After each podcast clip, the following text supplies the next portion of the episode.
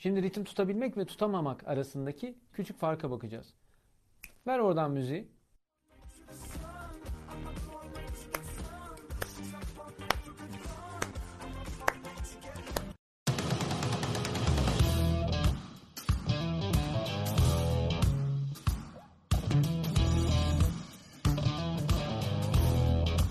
Merhaba, hoş geldiniz.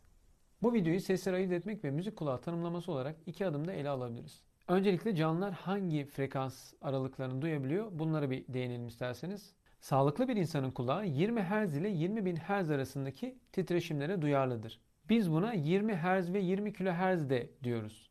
Bu aralığın dışındaki sesleri duymamız imkansızdır. Ayrıca maalesef yaşlandıkça bu ses aralıklarını duyarken de zorlanacağız. Bir yaştan sonra artık hiç duymayacak hale geleceğiz.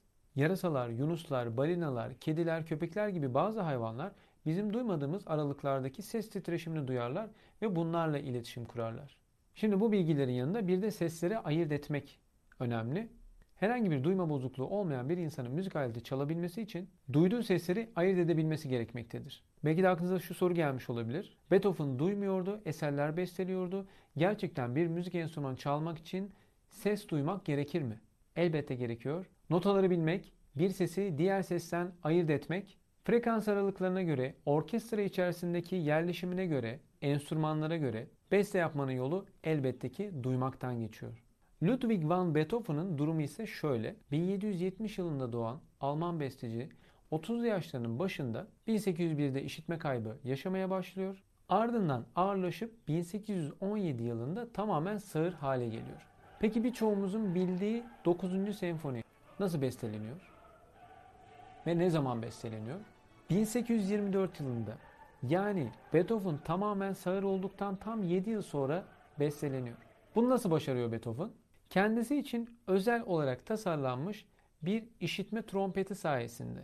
Bu cihaz düşük sesli frekansları yükselterek bu sayede titreşimleri hisseden, duyan Beethoven'da eserlerini üretmeye çalışıyor. Bu sayede de çok meşakkatli bir sürecin sonunda 9. senfoniyi bestelemiş oluyor. Üstelik eserin tamamı tüm süre 74 dakika ve içinde insan sesi geçen ilk senfoni olarak tarihteki yerini alıyor. Ve size küçük bir bilgi daha. Philips ve Sony firmaları ilk kez bir kompakt disk yani bir e, müzik CD'si üretecekleri zaman bunun süresi konusunda kararsızlığa düştükleri zaman şöyle bir teori ortaya atılıyor. Deniyor ki yapılan en uzun eser uzunluğunda olsun bu CD'nin zaman genişliği. O zaman da bakıyorlar sadece 9. senfoni yapılan en uzun eser tam 74 dakika. 74 dakikalık bir CD Beethoven'ın 9. senfonisi sayesinde standart bir CD'nin uzunluğu haline alıyor. Kasetlerdeki gibi 60'lık ya da 120'lik değil. Şimdi bu küçük bilgiden sonra kaldığımız yerden devam edelim. Ne demiştik? Herhangi bir duyma bozukluğu olmayan bir insanın müzik aleti çalabilmesi için duyduğu sesleri ayırt edebilmesi gerekmektedir. Tabi şimdi bunun için de sesleri sınıflandırmamız da önemli. Şimdi bas ses, tiz ses ve orta ses olarak sesleri sınıflandırabiliriz. Küçük küçük tanımlardan geçeceğim şimdi. Bazı kaynaklarda pes ses olarak da tanımlanan bu ses frekansı kalın sesi ifade eder. Low olarak görebilirsiniz. Tiz ses ise ince sesleri ifade eder. Bunu da high olarak görebilirsiniz. Orta ses ise bas ve tiz olmayan daha ortada kalan sesleri ifade eder. Bunu da mid olarak görebiliriz. Müzik kulağımızı test etmek için duyduğumuz bir sesi orta, tiz ve bas olarak ayrıştırmaya çalışalım. Gök gürültüsü bas seslidir. Akapella gruplarından biri olan Pentatonix'in üyesi Avi Kaplan bas sesli bir solisttir. You know All about that bass, about that bass, no treble. All about that bass, about that bass, no treble. Kontrbas, bas gitar, tuba gibi enstrümanlar bas sesli enstrümanlardır. Lorena McKennitt, Şebnem Ferah, Mariah Carey gibi sanatçılar tiz sesli solistlerdir. Freddie Mercury, Steven Taylor, Justin Timberlake gibi solistler tiz seslidir. Ambulans, itfaiye, polis sirenleri gibi sesler tiz seslidir. Keman, flüt, klarnet gibi enstrümanlar tiz seslidir. Bir başka videoda da hem kadın hem erkeklerde ses aralıkları, aralıklara göre tanımlanan bariton, tenor, soprano gibi isimler ve bunu içeren bilgileri paylaşmaya çalışacağım. Şimdi eğer sesleri doğru olarak ayırt ettiğimizi düşünüyorsak küçük bir bilgi daha vermek istiyorum. Şimdi ritim duygusu müzik kulağı için çok önemli bir konudur. Dinlediğiniz bir şarkının hızlı mı yavaş mı olduğunu tespit edin.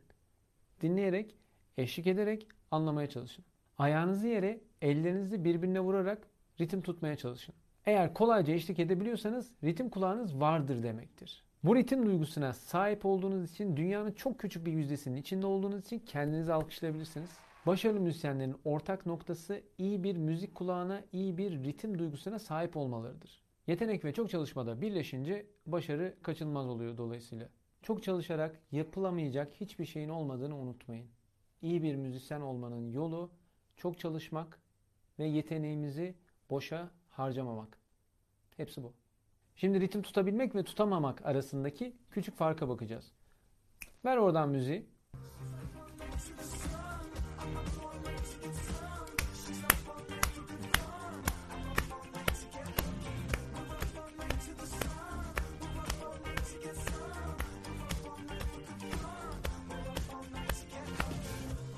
Şimdi bu doğru şekilde ritim eşliğiydi.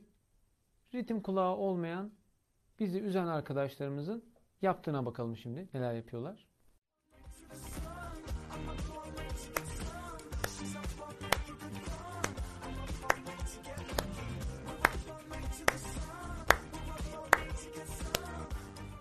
E şimdi oldu mu? Olmadı tabii. Yani bunu yapmamak için iyi bir müzik kulağına, ritim duygusuna sahip olmamız gerekiyor.